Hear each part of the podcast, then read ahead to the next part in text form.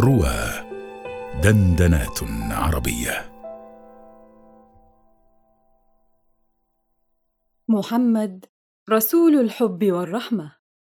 كان رسول الله صلى الله عليه وسلم يدعو إلى الرحمة ويحث أصحابه عليها وكان في تصرفه ومعاملته للناس قدوة صالحة للرحمة. يرحم الصغير والكبير ويرحم الصديق والعدو. ويبدأ الناس بالرحمة وكان قلبه الكريم يذوب اشفاقا للمساكين الذين يستحقون الرحمة.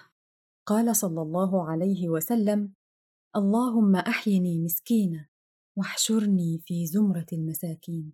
وسأله بعض أصحابه يا رسول الله إنا لنرحم أزواجنا وأهلينا.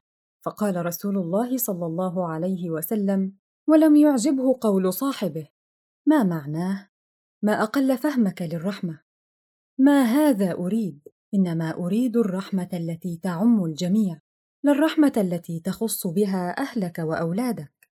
ولقد خاطب الله سبحانه وتعالى رسوله الأكرم في القرآن الكريم بقوله وما أرسلناك إلا رحمة للعالمين وقال عز من قائل لقد جاءكم رسول من أنفسكم عزيز عليه ما عنتم حريص عليكم بالمؤمنين رؤوف رحيم. وفي آية كريمة أخرى محمد رسول الله والذين معه أشداء على الكفار رحماء بينهم. وقد بلغ رسول الله في رحمته حدا جعله مثلا أعلى في رحمة الإنسان بالإنسان. فكان يوصي بالرحمة بالأعداء. فمن وصاياه صلى الله عليه وسلم لأحد أمراء جيوشه أغزوا ولا تغلوا ولا تغدروا ولا تمثلوا بأحد لأن الله سبحانه وتعالى يكره المثلة ولا تقتلوا وليدا وإذا لقيتم عدوكم من المشركين فادعوهم إلى الإسلام فإن أجابوكم فاقبلوا منهم وكفوا عنهم. وفي وصية أخرى لبلال عندما أقبل وفد إلى المدينة وكانوا من أعداء الإسلام ادعهم إلى التحول إلى دار المهاجرين وأبلغهم أنه من فعل ذلك فله ما للمهاجرين وعليه ما عليهم. ومن رحمته صلى الله عليه وسلم أنه ما سأله أحد قط إلا أعطاه ما في يده ولا سمع عن جائع إلا بعث إليه بخير ما لديه من الطعام وما رأى طفلا يبكي إلا رق له وواساه وأعطاه ما سره. ومن أقواله في الرحمة والعفو الراحمون يرحمهم الرحمن. ارحموا من في الأرض يرحمكم من في السماء. من لا يرحم لا يرحم ومن لا يغفر لا يغفر له. إني لم أبعث لعانه وإنما بعثت رحمة للعالمين. من عفا عند المقدرة عفى الله عنه يوم القيامة. إن الله عفو يحب العفو. ما عفى الرجل عن مظلمة يبتغي بها وجه الله عز وجل. إلا زاده الله بها عزا يوم القيامة. ألا أخبرك بأفضل أخلاق أهل الدنيا والآخرة؟ تصل من قطعك وتعطي من حرمك وتعفو عمن ظلمك. خاب عبد وخسر. لم يجعل الله في قلبه رحمة البشر. من كان يؤمن بالله واليوم الآخر فلا يؤذي جاره. ومن كان يؤمن بالله واليوم الآخر فليكرم ضيفه. ومن كان يؤمن بالله واليوم الآخر فليقل خيرا أو ليصمت. مثل المؤمنين في توادهم وتعاطفهم وتراحمهم كمثل الجسد الواحد إذا اشتكى منه عضو. تداعى له سائر الجسد بالسهر والحمى. ومن أفعاله في الرحمة سأل أهل مكة بعد أن فتحها الله عليه ونصره على المشركين ما ترون أني فاعل بكم؟ قالوا خيرا أخ كريم وابن أخ كريم. قال فاذهبوا فأنتم الطلقاء. قال أنس بن مالك خدمت رسول الله صلى الله عليه وسلم عشر سنين فما قال لي أف قط. ولا قال لشيء صنعته لم صنعته؟ ولا لشيء لم أصنعه لم لم تصنعه؟ قيل له وهو يقاتل أعداءه لو لعنتهم يا رسول الله. فقال إنما بعثت رحمة ولم أبعث لعانا. شكا إليه رجل أنه يتأخر عن صلاة الصبح مع الجماعة لأن الإمام يطيل في الصلاة فغضب الرسول صلى الله عليه وسلم وقال أيكم يصلي بالناس فليتجوز يعني فليخفف فإن فيهم الضعيف والكبير وذا الحاجة. ومما جاء في القرآن الكريم فبما رحمة من الله لنت لهم ولو كنت فظا غليظ القلب لانفضوا من حولك فاعف عنهم واستغفر لهم وشاورهم في الأمر.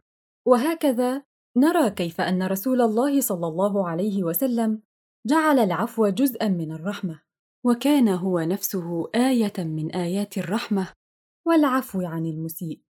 فلم يؤثر عنه أنه غضب على أحد إلا للدين ومعاملته للمنافقين وكبيرهم عبد الله بن أبي بن سلول تدل على سعة قلبه وعظمة رحمته. فلقد كان ذلك الرجل لا يألو جهدا في أذى الرسول بعمله ولسانه. فلما حضرته الوفاة عاده الرسول وجلس إلى جواره وسأله أن يطلب ما يريد. فسأل الرسول أن يعطيه بردته فخلعها ووضعها عليه. وعندما مات صلى عليه رسول الله صلى الله عليه وسلم. وفي ذلك نزلت الآية ولا تصل على أحد منهم مات أبدا. الحب. ظهر الرسول صلى الله عليه وسلم في مجتمع وعالم قاس لا يعرف الحب ولا المغفرة. فقد كان الجاهليون يعتقدون أن الانتقام من مكارم الأخلاق وأن المغفرة ضعف بل إن لفظ المغفرة لم يرد في استعمالهم إلا في بعض ما قال زهير بن أبي سلمى ولم يكن العفو قط من شيم الجاهليين بل كان الانتقام قاعدة من قواعدهم الأخلاقية. فلما جاء الإسلام وبشر الرسول صلى الله عليه وسلم ودعا إلى دينه بالحكمة والموعظة الحسنة وخاطب الجاهلين والمعتدين والضالين برفق وصبر على أذاهم ودعا إلى الحب بين الناس. عجبوا من الأمر وظنوا أن الرسول يدعوهم إلى التخلي عن موضع من مواضع فخارهم وأنكروا ذلك إنكارا بالغا. وعندما رأوه يجالس المستضعفين ويعامل بلالا الحبشي وعمار بن ياسر وخباب بن الأرت معاملة الصديق. كرهوا ذلك. ووجدوا فيه مساسا بكرامتهم. وكان ذلك من أسباب إحجامهم عن دخول الإسلام. وكان أبو جهل يطعم الناس ويجلس لهم على منصة عالية وتوضع القصاع عند قدميه ويطرب إذ يرى الناس يأكلون تحت خفه. فلما رأى رسول الله صلى الله عليه وسلم يؤكل بلالا ويقاسمه كسرة خبز ظن أن الدنيا قد انقلبت وأمر بطرد المستضعفين من حرم الكعبة. فأخذ الرسول أصحابه الذين كان يحبهم ودخلوا دار الأرقم ليعيشوا معا حياة المحبة والأخوة والمساواة. وليس أدل على عمق شعور المحبة عند رسول الله صلى الله عليه وسلم من أقواله في ذلك المعنى وإليك بعضها. أحب الأعمال إلى الله الحب في الله. لا يؤمن أحدكم حتى يحب لأخيه ما يحب لنفسه. لن تدخلوا الجنة حتى تؤمنوا ولن تؤمنوا حتى تحابوا. ألا أدلكم على شيء إذا فعلتموه تحاببتم؟ أفشوا السلام بينكم. أحسن إلى جارك تكن مؤمنا. وأحب للناس ما تحب لنفسك تكن مسلما. إنكم لن تسعوا الناس بأموالكم فسعوهم ببسط الوجه وحسن الخلق. كل معروف صدقة ومن المعروف أن تلقى أخاك بوجه طلق وأن تفرغ من دلوك في إنائه. لا يحل لمؤمن أن يشير إلى أخيه بنظرة مؤذية. عن أبي ذر قال ساببت رجلا فعيرته بأمه. فقال لي النبي صلى الله عليه وسلم يا أبا ذر إنك امرؤ فيك جاهلية. إخوانكم خولكم جعلهم الله تحت أيديكم. فمن كان أخوه تحت يده فليطعمه مما يأكل ويلبسه مما يلبس. ولا تكلفوهم ما يغلبهم فإن كلفتموهم فأعينوهم.